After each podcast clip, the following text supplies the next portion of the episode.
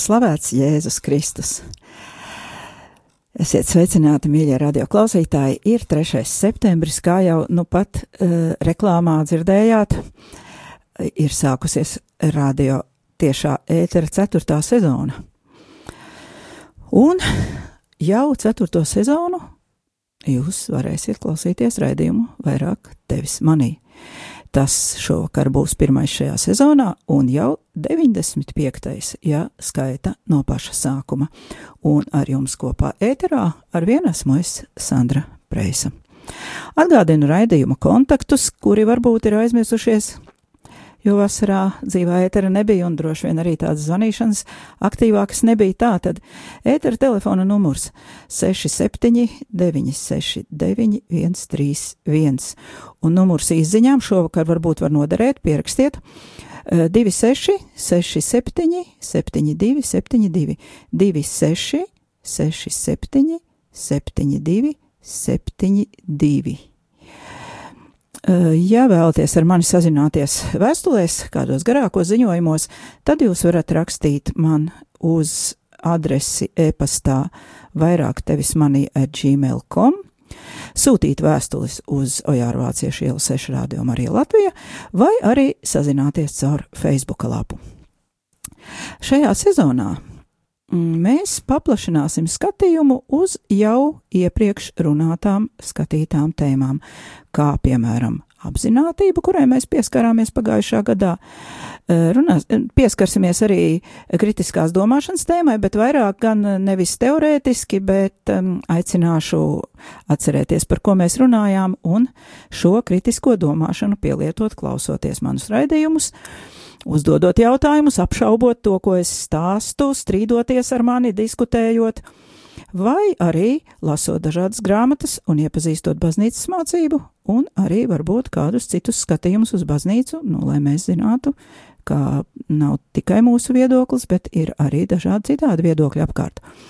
Tātad kritiskā domāšana, protams, eh, skatīsimies, kāds sakars šai apziņotībai un kritiskai domāšanai ir ar ticību un garīgumu. Turpināsim pagājušajā sezonā iesākto tēmu arī, diemžēl, par vardarbību, upuriem un traumām, un par to, kā un vai ir iespējams Dažādu ekstrēmu pārdzīvojumu rezultātā tomēr saglabāt ticību un attiecības ar baznīcu, neskatoties uz to, ka varbūt mēs vai kādi mums tuvi cilvēki ir piedzīvojuši sāpīgas krīzes. Un kā, tā tad arī mācīsimies eh, visas sezonas laikā, skatīsimies arī kādu garīgu cilvēku, svēto cilvēku biogrāfijas un papētīsim, kā tad viņi ir tikuši galā ar šādām lietām, jo, kā jau mēs zinām, laiki mainās, tehnoloģijas mainās, bet cilvēka daba nemainās. Un tas, ko mēs runājam par vardarbību, narcisismu, jūs jau atceraties, ka tūkstnešu tēviem jau pašos pirmajos kristietības gadsimtos šī parādība bija pazīstama, tikai viņi to dēvēja citā vārdā par filautiju, jeb patmīlību. Un tā tad, kā tad mēs visā šajā gluži cilvēciskajā atmosfērā, kura valda gan apkārt mums ikdienā, gan arī baznīcā, jo baznīcu veido tie paši cilvēki, tā tad kā tad palikt uzticīgiem Dievam un tomēr dzīvot to, ko mēs saucam par garīgo dzīvi, bet kā jau mēs esam runājuši iepriekš, nav jau tādas garīgās dzīves, ir dzīve. Ir viena vienīga dzīve, un šī dzīve var būt vai nu garīga, vai nu negarīga, Bet pārsvarā tā ir garīga, vienīgi ir jautājums, ar kādiem gariem tad mēs viņu garīgojam. Lūk, un tā tad eh, šovakar eh, iesāksim skatīt kādu nopietnu dokumentu, bet pirms tam, pirms tam, protams, palūksimies, jo, lai to visu saprastu un spētu vispār klausīties un apdomāt, ir vajadzīgs mūsu kunga Jēzus svētais gars, Dieva gars. Mums ir vajadzīga mūsu jaunās Marijas, mūsu dievmātes aizlūgumi un atbalsts. Jo, kā gan citādi vēl mēs varētu pieaugt ticībā, izpratnē, kā gan mēs varētu pieaugt un doties savā ceļā uz svētumu, jo gal galā es domāju, ka tas mēs apzināmies ir visu mūsu dzīves mērķis un uzdevums, vai ne? Un tāpēc tagad lūksimies, palūksimies lūkšanu rītausmas vārtu diamātei, pēc tam padziedāsim līdzi benediktīņiem šoreiz Eh, lūkšanu tavā patvērumā latīniski un ķersimies pie raidījuma tēmas. Dieva tēva un dēla un svētā garvārdā Āmen. Vissvētā jaunā Marija, debes karaliene, mana valdniece un dieva māte. Iežēlojies un glābi tavus kalpus no ļauniem un viltīgiem cilvēkiem. Pasargā mūs no apmelojumiem un no visām nelaimēm. Mūsu valdniece, austrumvārtu dievmāte, glāb mūs no ļaunā gara varas, no redzamiem un neredzamiem dvēseles un miesas ienaidniekiem, no nežēlīgām vajāšanām un no visiem ļauniem apstākļiem, glāb mūs no nelaimīgas nāves. Āmen!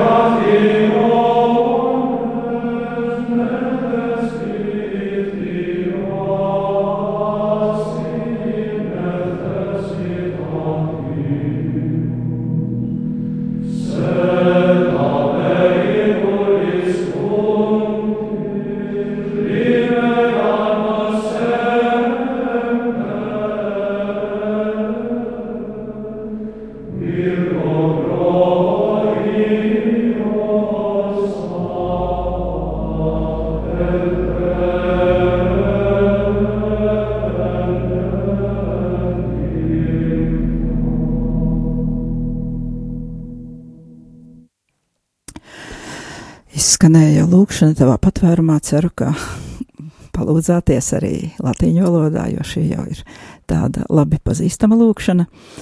Un patiešām dievmātes aizbildniecība un patvērums mums visiem ir īpaši vajadzīgs, jo baznīca šobrīd piedzīvo grūtus laikus. Tojos austrumos, Ķīnā, Nigērijā un dažādās musulmaņu valstīs esam noteikti dzirdējuši, ka kristieši tiek vajāti no ārpuses. Tas ir vajāšanas īstenot cilvēki, kuri paši nekad nav bijuši kristieši un ienīst mūsu ticību, ienīst Kristu, bieži vien arī aiz nezināšanas vai maldīgas informācijas dēļ. Taču visbriesmīgāk ir, ja baznīcu mēģina iznīcināt no iekšpuses paši kristieši, vai arī tādi cilvēki, kuri vismaz kādreiz ir domājuši, ka tic Kristum un vēlas viņam kalpot, vai nu kā lai, vai arī kā konsekrētas, jeb dievam veltītas personas. Iepriekšējo sezonu beidzot, es cerēju, ka šīm skarbajām tēmām par psihopātiem, narcisiem un citiem uzvedības traucējumiem, kuru dēļ cilvēki mēdz būt vardarbīgi, mēs varēsim pielikt treknu punktu. Taču notikumi pasaulē un, diemžēl, arī pašā baznīcas sirdī liek iesākt to tēmu turpināt un izvērst, nevis pabeigt. Tomēr Pirms ķeramies klāt šīs dienas tēmai, gribu vienlaicīgi gan uzdot jautājumu, gan arī atgādināt to, ar ko mēs beidzām pagājušās sezonas pēdējo raidījumu. Ja kāds varbūt pagājušā svētdienā klausījās atkārtojumu vai pagājušā pirmdienā, tad jūs varbūt arī labāk atceraties, par ko tad bija pēdējais raidījums. Bet tie, kuri noklausījās māja beigās un vasarā paņēma atvaļinājumu arī no radio, tātad atgādinu, Mēs runājām, ka ir tāda metode, kaut kas līdzīgs sirdsapziņas izmeklēšanai, kuru esot ieteikuši jau senās Grieķijas filozofi saviem skolniekiem, lai attīstītu to, ko mūsdienās dēvē par apziņotību. Tātad, ja atceraties un esat arī mēģinājuši šo vingrinājumu pildīt, tagad ir laiks izziņām. Aicinu atsūtīt izziņu uz telefona numuru 266 77 272 266 77 272. Atsūtiet vienkārši vienu vārdiņu izdevās, ja nu tiešām esat kaut reizi pamēģinājuši un kaut kas jums sanāca, kā jums liekas. Jo tas būtu stiprinājums gan man, gan arī pārējiem klausītājiem. Es noteikti pateikšu, cik izziņas ir atnākušas, un atgriežos tagad tātad pie tā atgādinājuma. Tātad kāds tad bija tas vingrinājums? Vakarā apsēžamies mierā, palūdzamies, un lēnām mēģinam atcerēties visu, kas ir dienā darīts, runāts, un uzdodam sev vairākus jautājumus. Pirmais jautājums - kāpēc es to teicu vai darīju? Un godīgi atbildam sev pašiem. Iesākumā šis moments ir visgrūtākais divu iemeslu dēļ. Pirmais Ja kaut ko līdzīgu nekad neesam darījuši, mums varētu būt grūti uzreiz atpazīt savas patiesās vēlmes, sajūtas, emocijas un visus pārējos apstākļus, kas mums lika izdarīt tieši šo un nevis citu izvēli. Tātad šādu jautājumu mēs uzdodam par katru darbu, par katru runāto tēmu, kuru mēs dienas laikā esam atļaujušies. Otrais Otrā grūtība šī jautājumā ir tāda. Ja mēs sevi jau pazīstam pietiekami labi un protam nosaukt īstajos vārdos visu iepriekš minēto, tātad visu to, kas ietekmē mūsu izvēli, var gadīties, ka mēs nobīstamies no patiesības, jo tā neizrādās mums glaimojoša. Un tāpēc mēs mēģinam sameloties paši sev, lai mēs izskatītos savās acīs kā drusciņi labāki. Ja mēs tā darām, šis vingrinājums, nu, tam viņam nav, nav nekādas nozīmes. Šeit nozīme ir tikai tad, ja mēs tiešām esam godīgi. Tātad, kā tad tas negodīgums varētu izskatīties praksē? Piemēram, es šodien uzdāvināju naudu kādam cilvēkam, kuram tā bija vajadzīga. Draugam, radam, paziņai, kurš varbūt atrodas materiālās grūtībās, nu, kaut kādā veidā viņam šī nauda bija ļoti vajadzīga. Nu, skaista rīcība, vai ne? Bet tad es ieskatos savā sirdī un domāju, hm, kāpēc es to darīju? Varbūt es gribēju justies pārāk. Varbūt es gaidīju uzslavas no tiem, kas redz šo manu darī, darbību, vai gaidīju uzslavu varbūt no paša saņēmēju. Vai dodot, es varbūt uzskatīju to otru cilvēku par tādu neveiksminieku, zemāku radījumu, redz, kuram ir sliktāk paveicies un kuram tagad nav naudiņas, un man ir un tā kā uzbužināju savas spalviņas. Varbūt visa šī došana bija vērsta uz mani pašu un nevis uz nesautīgu domu par otra cilvēka cieņu un otra cilvēka labumu. Un izrādās, ka šī it kā skaistā darbība nemaz nav bijusi tik skaista, kā man gribētos. Vai arī šodien biju uz misi, palūdzos trīs daļas rožu kroņa, palūdzos laudes, palūdzos vesperes. Vai nav skaisti, svēti? Bet man vajadzēja šodien apmeklēt slimu radinieku. Vai varbūt aiziet kopā ar bērnu uz kādu pasākumu, kas bija apsolīts, bet tam man nepietika laika, es taču lūdzos. Un skaisti vairs nav nemaz. Tāpēc, ka es daru to, kas man patīk, un nevis to, kas ir mans pienākums. Attaisnojoties ar dievbijību un svētiem darbiem, es patiesībā izvairījos no pienākumu izpildes un nodevos lietiņām, kuras man patīk, lai arī šīs lietiņas tā saucamās ir gluži labas, pavisam, pavisam labas, nenoliedzam, lūgties ir labi. Lūk, un tādēļ mums ir jābūt ļoti godīgiem pret sevi, un tā jau arī ir šī te patiesā slavenā apzinātība, jo tādā veidā mēs sevi audzinām, un jā, pieaugam svētumā. Un tāpēc, lai sevi vēlreiz nokontrolētu, kad esam atbildējuši sev it kā uz jautājumiem, nākamais jautājums sev, vai es ar to pagodināju Dievu? Un atbildu šo jautājumu mūs ātri noliek ar kājām uz cietas zemes, ja vien esam godīgi.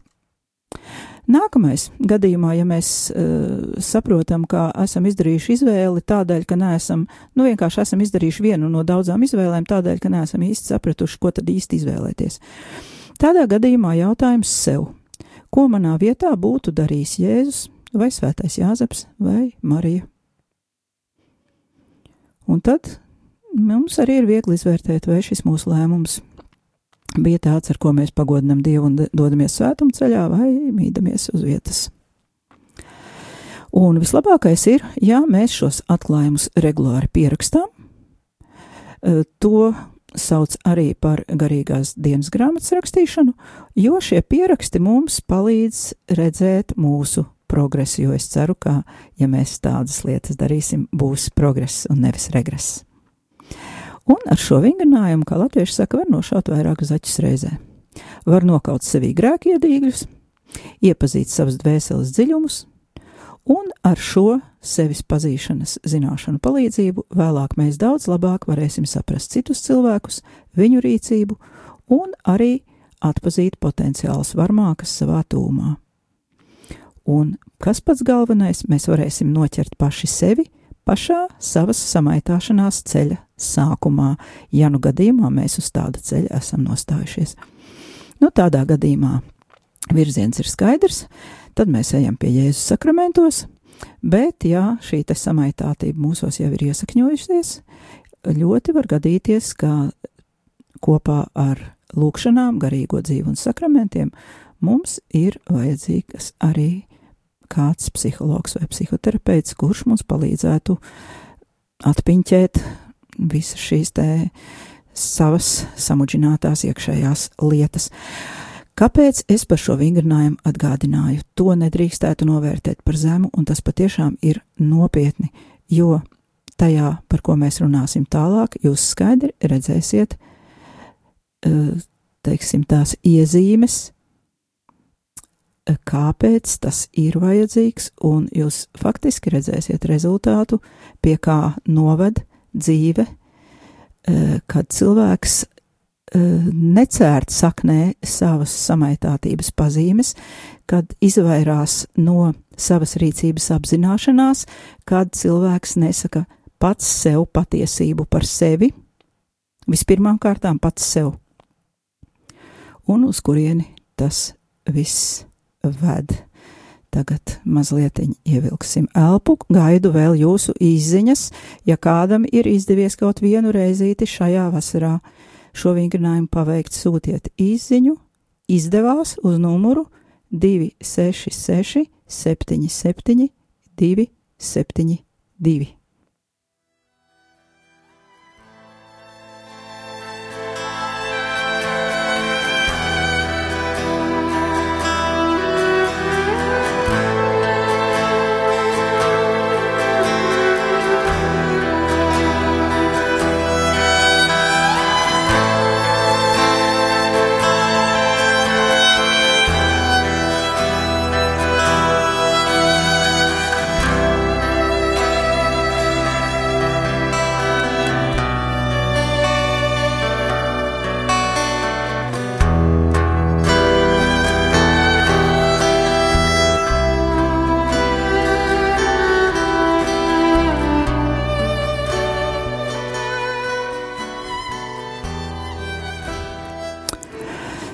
Un tagad pie tēmas. Uh, ievadam nolasīšu nelielu citātu no priestera Paula Kļaviņa. Uh, arī ievada rakstam žurnāla Ejiet un māciet 37. numurā. Šis numurs ir no 2003. gada, ja nemaldos. Žurnāls jau vairs neiznāk labu laiku. Uh, bet tas bija ārkārtīgi labs. Noteikti bibliotekās vēl kaut kur viņu var atrast, izlasīt, un arī ir iespējams uh, lasīt to internetā uh, caur Rarzī mājaslapu. Ja jūs ielūkosieties Rarzī mājaslapā, jūs varēsiet atrast saiti uz žurnāliem Ejiet un māciet. Un tā tad ievads šī 37. numura rakstam, kuru sarakstīs priesteris Pauls Kļaviņš. Tad jūs arī sapratīsiet, kāda būs tālāk tēma. 2002. gada sākumā visu pasauli pāršalca un uzreiz sabiedrības nosodījumu izpelnījās masu informācijas līdzekļos neskaitāmas reizes izkliegtās ziņas par notikumiem Katoliskajā baznīcā Amerikas Savienotajās valstīs. Tika izvirzītas apsūdzības pret priesteriem, kuri seksuāli izmantojuši bērnus un nepilngadīgos. Laika gaitā cenšoties norobežoties no nepamatotiem gadījumiem, noskaidrojās, ka ir izteikti apvainojumi ne tikai pret dažiem desmitiem, bet gan pret vairākiem tūkstošiem katoļu priesteru un garīgo ordeņu locekļiem. Lai gan kopumā runa ir tikai par 4% no visiem katoļu garīdzniekiem, tomēr šis skandāls baznīcā skar ne tikai katru konkrēto vainīgo un viņa upuri, bet arī liek kritiski pārskatīt priesteru audzināšanas un bīskapu pastorālās vadības sfēru. Kā zināms, seksuāla vardarbība sastopama arī daudzās ģimenēs un sekulārās organizācijās, kur to dažādu apsvērumu dēļ cenšas noklusēt. Savienoto valstu katoļu organizācijās izdarītie pārkāpumi izpelnījās īpašu ticīgās tautas un sabiedrības nosodījumu, neizpratni un sašutumu sakarā ar to, ka tie priesteri, kas izdarījuši vardarbību vienā draudzē, nereti tika pārcelti uz kādu citu, kurā tāpat turpināja savu amorālo rīcību. ASV bīskapi ir atklāti atzinuši savas kļūdas un atvainojušies ticīgajiem, tomēr skandāla izraisītās sekas nāksies labot vēl ilgi. Citāta beigas. Jā, protams, mēs gribētu, lai ar šo viss būtu beidzies. Galu galā ASV ir tālu, 2002. gads jau ir, paldies Dievam, pirms 16 gadiem, un pie mums Latvijā pagaidām tādas šausmas dzirdētas nav. Taču, taču, taču, ik pa laikam atkal uzpeld kaut kādas runas vai informācijā patiesas vai mazāk patiesas ziņas par to, ka šāda vardarbība, diemžēl, baznīcā turpinās. Un e, viens gadījums bija arī šī gada pavasarī, kad pāvests Francisks bija viesojies Latvijā un uzzinājis, ka it kā Čīlē ir bijuši arī vardarbības gadījumi pret bērniem un vispār vardarbība baznīcā. Un viņš, protams, kā jau jebkurš godīgs cilvēks, un kā jebkuram godīgam katolim arī vajadzētu darīt, eh, neticēja tādēļ, ka tās bija runas bez pierādījumiem, un bez tam viņš dažus no šiem priestriem pazina personīgi, un tiešām nevarēja iedomāties, ka šīs ziņas varētu būt patiesība. Eh, tomēr vēlāk, eh, līdz pavestam nonāca Čīlē sastādīts dokuments ar pierādījumiem, ar skaidrām liecībām, juridiski pamatots dokuments, un izrādījās, ka patiešām šī vardarbība Čīlē ir bijusi, un ka tā ir arī slēpta, un galu galā Čīles bīskapi atteicās no saviem amatiem arī tie, kuri nebija vainīgi, solidāri atteicās no saviem amatiem, atzīstot to, ka kaut kas tāds baznīcā nav pieļaujams nekādos gadījumos. Un, diemžēl, arī ar to viss nav beidzies. Tagad arī vasarā, vēl augustā, ASV, Amerikas Savienotajās valstīs, atkal ir atklājušies jauni gadījumi. Tos ir atklājuši Amerikas valsts organizācijas, juridiskās organizācijas, jo upuri ir sākuši runāt, un galu galā Romā ir nonācis ASV sastādīts dokuments uz 850 lapusēm, eh, kurā ir nosaukti konkrētu varmāku vārdi, konkrētu upuru vārdi, un šie upuri, diemžēl, ir tūkstošos. Nu, protams, šis skaits ir sākot no 1950. gada eh, līdz mūsu dienām, tādēļ Daļā priesteru jau ir miruši, ir arī upuri, kuri jau ir miruši, ir, kur ir iestājies noilgums un vairs nav ierosināmas krimināla lietas, taču situācija ir, nu, jāsaka, šausminoša. Protams, kā baznīca uz to ir reaģējusi, un pāvests ir uzrakstījis vēstuli ticīgai tautai, jeb dieva tautai. Eh, šādus dokumentus pāvesti neraksta bieži. tādas vēstules ticīgajai tautai, bet šī situācijā tā bija jāraksta, un tagad es sākšu šo vēstuli lasīt. Šajā raidījumā mēs to tikai iesāksim un turpināsim nākamajā. Tātad pāvesta Franciska vēstule Dieva tautai. Viņš ir reaģējis un atbildējis uz šiem jaunajiem ziņojumiem par seksuālo varmācību un varmācības slēpš, slēpš, slēpšanu baznīcā.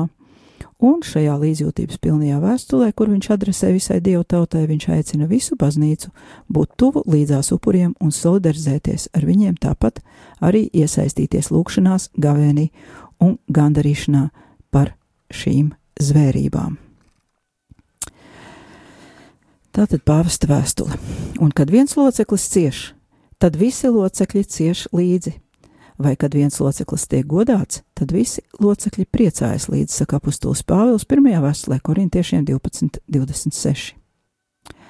Šie apstuļu vārdi ar lielu spēku atbalsojas manā sirdī katru reizi, kad apzinos, kādas ciešanas ir bijusi jāpiedzīvo daudziem bērniem seksuālas varmācības, varas un spēka varmācības un sirdsapziņas varmācības dēļ, kuru ir veicis ievērojams skaits klēra locekļu un dievam veltītu personu. Šādi noziegumi rada briesmīgas sāpju un bezspēcības brūces vispirmām kārtām upuros, bet pēc tam, protams, arī viņu ģimenes locekļos un plašākā ticīgo kopienā un arī neticīgo vidū. Palūkojoties atpakaļ uz pagātni, redzam, ka jebkāda piedošanas lūkšana un mēģinājuma labot nodarīto ļaunumu nekad nebūs pietiekami. Lūkojoties uz priekšu, uz nākotni, Mums ir nevien jācenšas radīt kultūru, kurā šādas situācijas nebūtu iespējams, bet arī jānovērš iespēja, ka tās varētu kaut kādā veidā tikt slēptas vai turpinātas. Upuru un viņu ģimeņu sāpes ir arī mūsu sāpes, tāpēc ir svarīgi vēlreiz apstiprināt mūsu gatavību nodrošināt aizsardzību bērniem un neaizsargātiem pieaugušajiem. Pirmā nodaļa ja viens loceklis cieš. Pēdējo dienu laikā tika publiskots detalizēts ziņojums, kurš ietver ap tūkstot upuru liecības, kuri šobrīd vēl ir dzīvi. Viņi ir cietuši no seksuālas vardarbības, no varas, no spēka un sirdsapziņas vardarbības, kuru ir veikuši priesteri apmēram 70 gadu garā laika periodā. Pat ja varam teikt, ka liela daļa šo noziegumu ir notikuši pagātnē, Neatkarīgi no tā, ka ir pagājis laiks, mēs esam uzzinājuši par daudzu upuru sāpēm. Mēs esam skaidri sapratuši, ka šīs brūces nekad nepazudīs, un ka tas liek mums nosodīt notikušās zvērības un apvienot spēkus, lai ar visām saknēm izrautu šo nāvis kultūru, jo šīs brūces nezudīs nekad. Sirdi plosošās upuru sāpes, kuras kliedz uz debesīm, ilgi ir tikušas ignorētas, upuri ir klusējuši vai arī apklusināti bet viņu kliedziens pēc palīdzības ir tomēr izrādies spēcīgāks par visiem mēģinājumiem to apklusināt, vai pat mēģinājumiem padarīt upuru ciešanas vēl smagākas, iestāstot upuriem, ka viņi paši ir bijuši līdzvainīgi. Marijas dziesma Magnificat, kur mēs dziedam katru vakaru vesperēs, ir nekļūdīga, un tās atbalsts skan cauri visai vēsturei. Kungs atceras solījumus, kurus ir devis mūsu tēviem, Viņš parādīja varu ar savu elkoni, izlīdzinādams lepnos savā sirdsprātā. Izklīdinādams lepnos savā sirdsprātā, viņš varenos nogāz no troņiem un paaugstināja pazemīgos. Viņš izsalkušos piepildīja labumiem un bagātos atstāja tukšā. Lūkas evanģēlīja pirmā nodaļa 51-53. Mums ir kauns, kad mēs saprotam, ka mūsu dzīvesveids noliedz un turpina noliegt vārdus, kurus mēs recitējam. Kaunā un nožēlā mēs atzīstam, ka mēs kā ekleziāla kopiena neesam bijuši tādi, kādiem mums vajadzētu būt. Ka mēs nerīkojāmies saulēcīgi apzinoties nodarītā apjomu un smagumu, kas ir sadragājis tik daudz cilvēku dzīves. Mēs neizrādījām rūpes par mazākajiem, mēs viņus atmetām. Es gribētu padarīt par saviem kardināla Ratzingera vārdus, kurus viņš izrunāja krustaceļa laikā 2005. gada lielajā piekdienā. Viņš identificējās ar daudz upuru sāpju kliedzieniem un izsaucās, cik daudz netīrumu ir baznīcā, un pat to vidū, kuriem savā priesterībā būtu jāpieder vienīgi Kristum. cik daudz lepnības, cik daudz pašpaukstināšanās. Kristus mācekļi ir nodevuši savu skolotāju. Viņu necienīgā Kristus miesas un asins pieņemšana sagādā pestītājiem vislielākās ciešanas. Tās caurdur viņa sirdi. Mēs varam vienīgi izmisumā kliegt pēc žēlastības, no sirds dziļumiem saucot: Kirie Leison, kungs, apžēlojies par mums! Citāta beigas, ar to mēs šodien arī beigsim. Tātad ar Dievu līdz nākamajam raidījumam un gaidu jūsu zvanus.